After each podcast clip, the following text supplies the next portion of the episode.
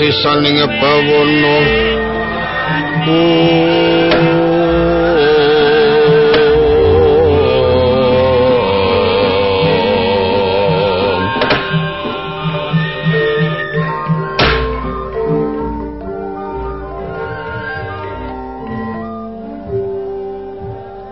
punika warnanira ing kraton Guwa Seluman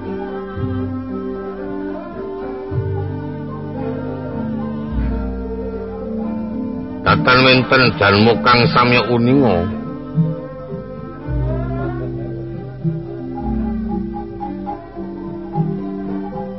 Awit ing kono papane ana mandira kang ageng papan ingkang gawat. Dalmu pinilih ingkang bisa manjing wonten ing kukuban kraton guwa seluman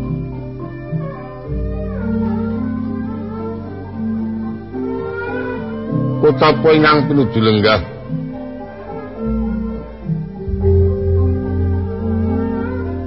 Ratuning para jin. Ingkang kepang peparap prabu Jim abang.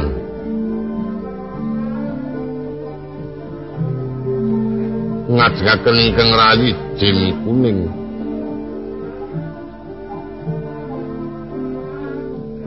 Sumrambing para jim kang sami ngadep katon pepak andir tan ana kang angujiwani.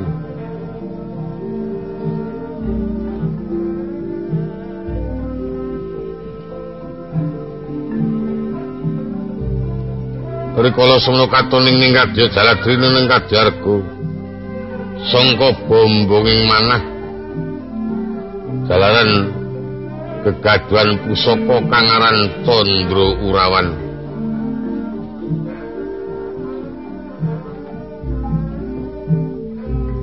Arsa paring pangandikan maring kang kepareng kawijiling sabda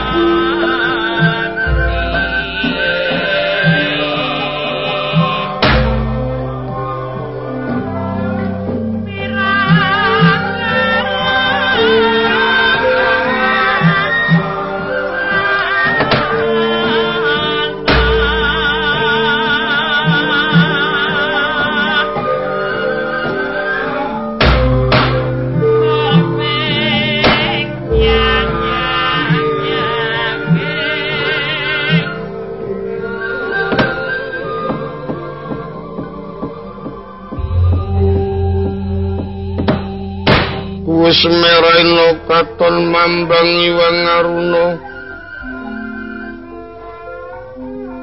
Katinektraning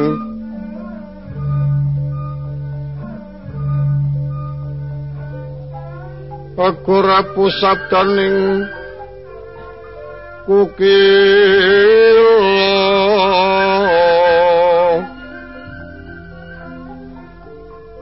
kanikur saketer. Terima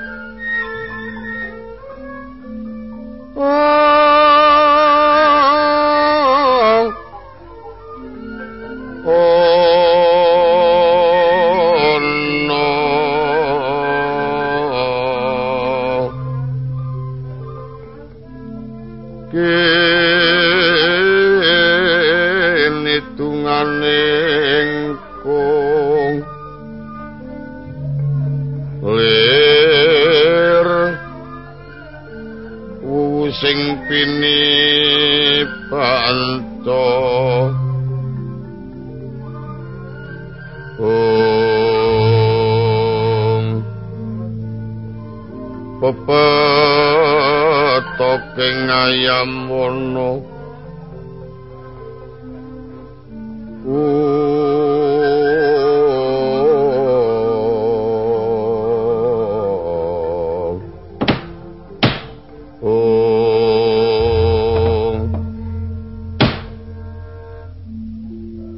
Kadangipun kakang yayi jim kuning kula nuwun wonten paring pangandika Kakang Jimabang Bapak kabeh para kanca kancamu kang padha ngadep ana ngarepanipun Kakang Engetipun ing rayi kados mboten wonten ing samyong lirwaken sedaya samyong ngadep ngabiyantara badhe cumadung dawuh menapa wigatosipun Kakang Jimabang ngempalaken para kadang-kadang kula. Mangerti ya, Di. Sadurunge pun Kakang iki nampa nugraning Jawata. Alam sing wis padha dilakoni. Saben-saben para kanca-kanca Jim padha golek memangsan ngrusuhi darbeke para manungsa. kuwi ngakake banjur padha gagal mergo sangka pangreka dayane manungsa satemahake para jim ingkang kepara tiwas. Ndri ingin mongko menawa ta ora ngrusuhi raja darbe manungsa ing atase para jim ora darbe wewenang gawe pangan.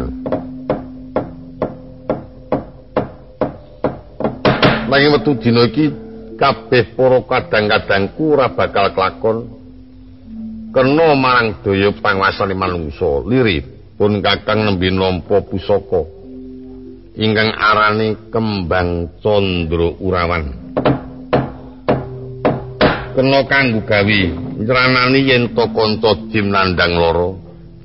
Kena kanggo nguripake menawa to kanca jim tumeka ing pati. Ingkang mengkono mau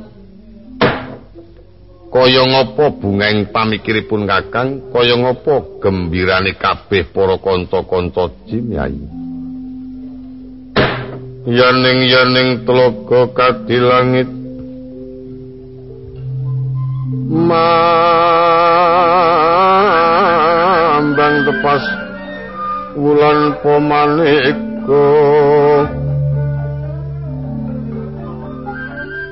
katon surming gegono.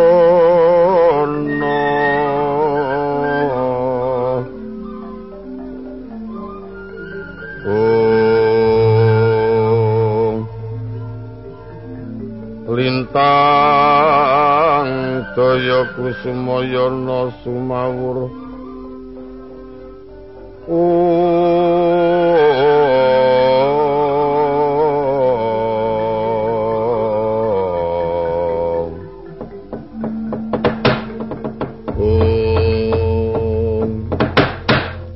sewu sembah nuwun sanget. Saking sih kadarmanipun Jawata. Dinyo Koko Prabu sampun kagungan sifat kandel ingin talon badhe kenging kangge angayomi dhateng sedaya para kanca-kanca jim mengkono yai. Nanging iki pigunane ya ming kanggo kanca-kanca. Ora kena sumrambah marang para manungsa mengko mundhak diapus krama. Upama to manungsa kang nindakake ya padha kelawan tak-takaning para jin. Nanging niatipun kakang iki ora bakal tak silihke para manungsa. Bejo cilaka tabar tiwas dinggu pun kakang sak kanca wae. Aja nganti para kanca-kanca iki mengko nandang cintaka yen to ngrusuhi pangane para manungsa. Mekaten kakang kakang jimabang yayi Sikropo kang tumingal Campo prang kang samya medali. Lir dadet wileting gondo.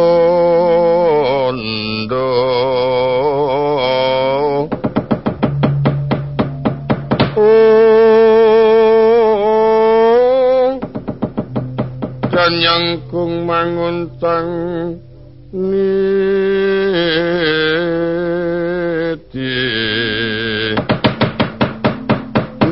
binja Sang sangati mitilati medal wus. Oh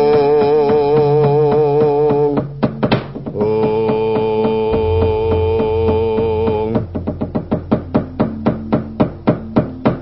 Tanjo teko mangkono eco nggih samya imbal wetana kotapo ingkang wis ganti alam mergo sangka bantring prihatosipun kira kantong bolong satemah bisa ganti alam selawung marang saking para jin.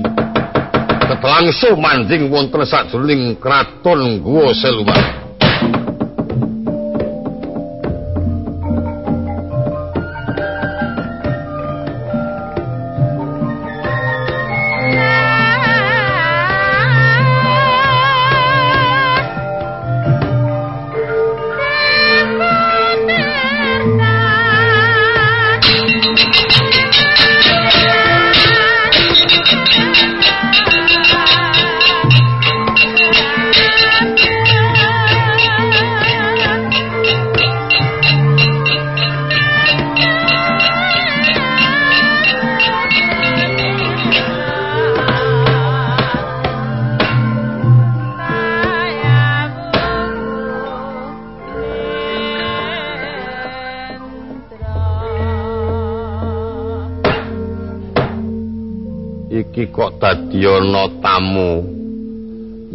Iki upamane menungso kok dadi weruh karo jim?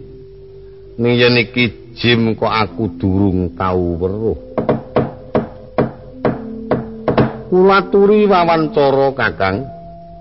Mengkuto kakang kang lembi prapto kowe kuwi bangsane apa? Apa manungsa apa jim saka ngendi papanmu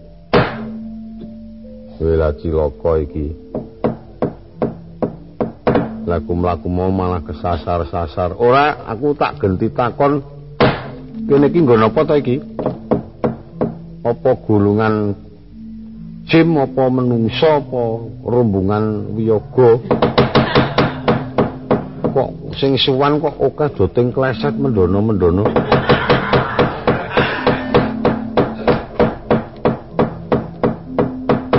Yen kakang durung tau mangerti kene iki kraton guwa seluman.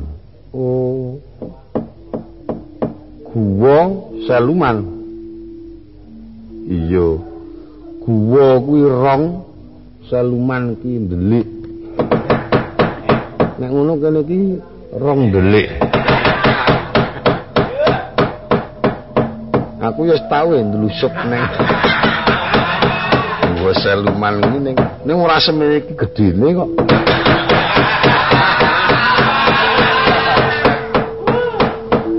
Ayo wong kratone dhewe-dhewe. Lah iya. Anjur sampean sapa? Aku iki bangsane jin. Oh, bangsane jin. Iya, wae ngono bangsaku. Lu kakangku ya jin. Wae lah jin laku jin ket biyen ora nyaran jare. Oh aku aku durung tau tepung. Jim saka luar negeri.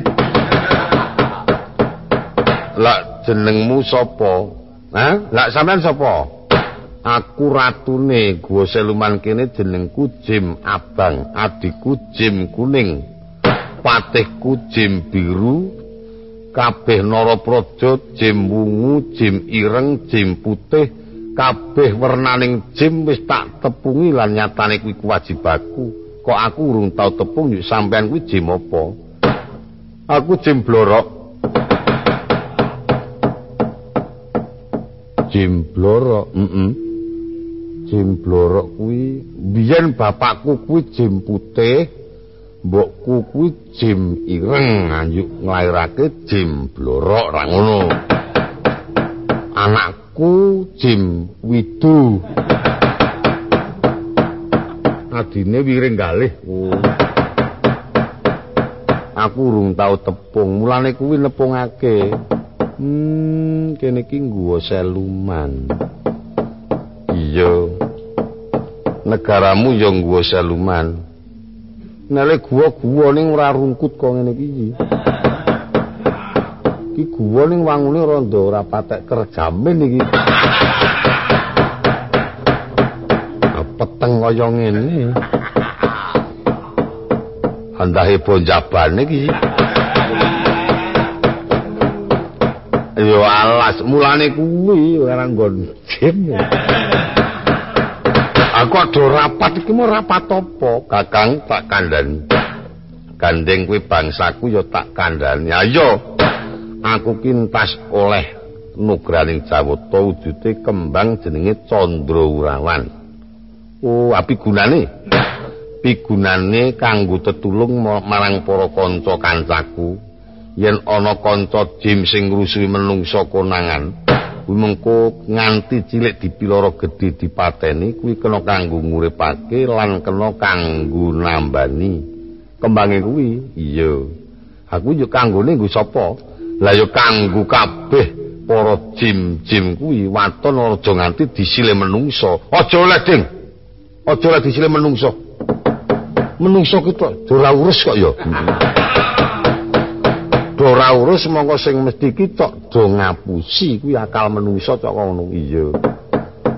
Elek cok dunekke apik ngono kae. Aku cok papancen karo menungso ki cok mangkel. Aku soalnya iso mangkel ngono dudu menungso aku ki ajeng lah iya aku sekapok serawung karo menungso lah ngapusi terus ya Wis tak apiki nyelo-nyelo ya mah mulih nang Gunung Kidul. Ya aku diapusi menungso. Wis tak api nyelo-nyelo gelem nukokke apa-apa. Sida-sida ya aku ditinggal plencing menungso. Ah iya kuwi mulane aja aja wani-wani tepung karo menungso. Menungso ki ora apik. Iki malah saya kepeneran jane laku mlaku-mlaku ki wit kepinganane. Wiwit wingenane heeh lah arep apa arep goleke tombo anakku jim piring galih kuwi lara mongko lara rada nemen iki mah kepeneran temen kena kanggo gawe nyoba pusakamu mbok yen lila legawa tak silihe mengko tak nggone nambani anakku yen wis mari terus kundurake mbok mau anake gawa rene. Lah adoh. E. Adoh mongko bocah iki larane iki mecicil wae. Ketoke melek ning ora iso nyuwara. Ora repot to kuwi? Iya. Lara banget awake abuh. Oh. Anakku abuh. Sing abuh kene karo kene. Aku nek ora njuk enggal-enggal tak tulungi. Arep kingsep kepiye iki? Mula aku banjur mrene iki mau ya kepeneran temen kowe duwe kembang kuwi yen bisa tak silihe. Kakang gandeng pancen kowe bangsane jim tak sili. Nanging ya kuwi yen wis rampung balik. Lah iya wong teke kanca kok tampanono kakang. Nih tak tampanane. ingsun mangestining bawana mawa soroting kartika kang wis surem kasorotan mringiwang pratangga micil katondo wis gagat bangun rahina. Sinarengan kapetoke ngayam wono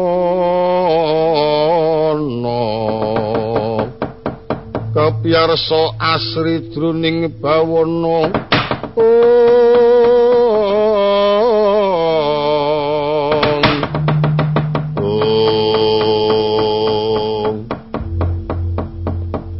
Dik, Jim Abang, opo kakang, wis tak tompo. tumrapsih kawelasamu. Muga-muga anak kundang bisa wari aku tak nyuwun pamit muga-muga ya nyuk iso waras terus tak kundurke ya to kakang jim blorok sing ati-ati iki jim kuning iya Aku yo pamit yo, Dik. Oh iya to Kakang sing ati-ati. Aja lali kek ndang sowan mrene. Ya wis aja kuwatir aku ki jim paling suci dhewe kok aku. Ora tau goro senajan jim ning jim sing disiplin aku ki. Iya. Ya pamujimu wae do tak jaluk. Iya Kakang, iya Kakang.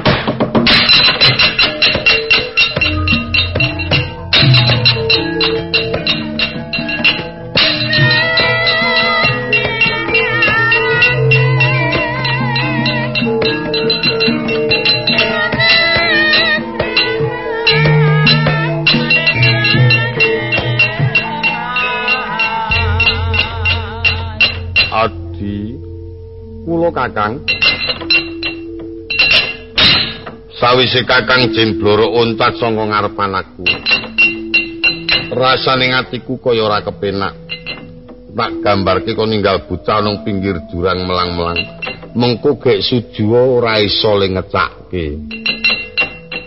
Langgenipun badhe nindakaken dos pundi? Ya upamane taloro kuwi terus dungkulake tak kira banjur bisa waras.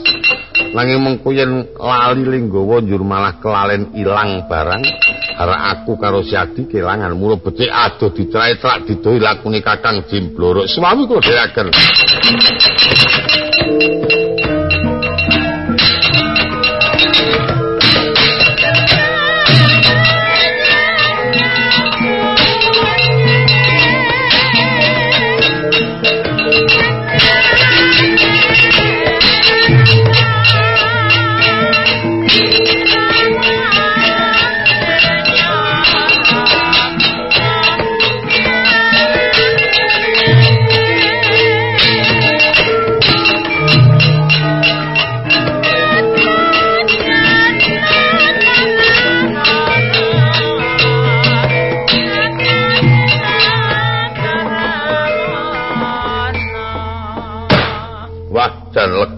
atiku.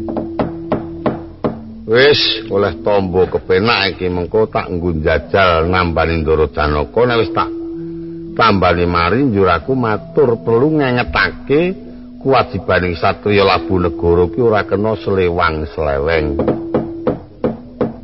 Kira kena nggo tetulung iki. Ana wong mriyang barang gone nggonku tak ungkuli urip rak jeneng kena golek pangan. Nek kira-kira mriyane karo ndabot tak iso ngarani nek niku biayane telah semanten ngono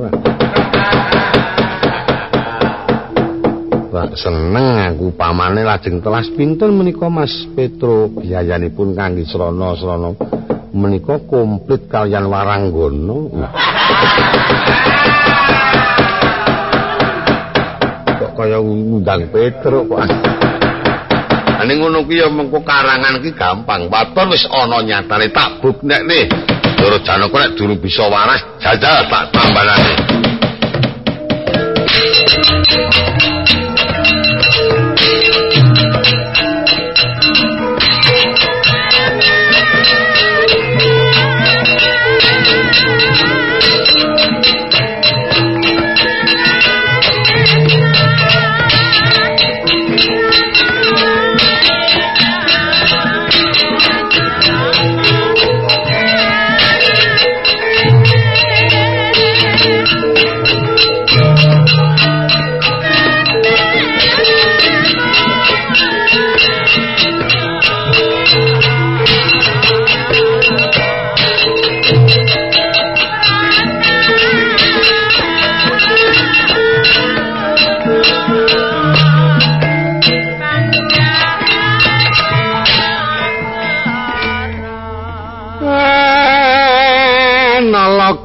Garing bagong bendaramu kok ora mari-mari. nganti pirang-pirang dina malah kok saya garing saya garing kuandane. Piye, Pak? Nek nganti awake dhewe kingku didukani karo para piyayi ngamarta. Wis ora mung dudukane iki jan calone nyemplung hukumang iki. Ayo dintani pirang dina pirang adate ki anggar sedo ngono kuwi tok kisisang iki yo urip kok. Pirang-pirang dina kok ora urip-urip iki. apa tak melek bendina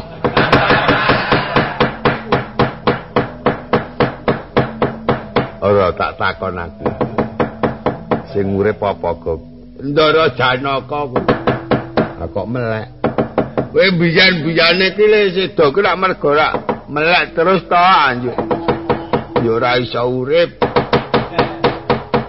mongko jan coto temenanan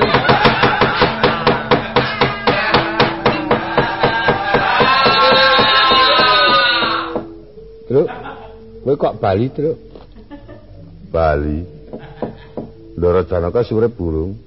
Iki agi adure urip ning ora urip-urip. E. Ketingalane kae. Heeh. Pak, Pak, eh? Petruk Bali. Kon lunga. Aku ora duwe anak Petruk. Kowe kon lunga, Truk. Kowe aja sembrono Pak karo aku. Aku entas topo, aja sembitingan kowe.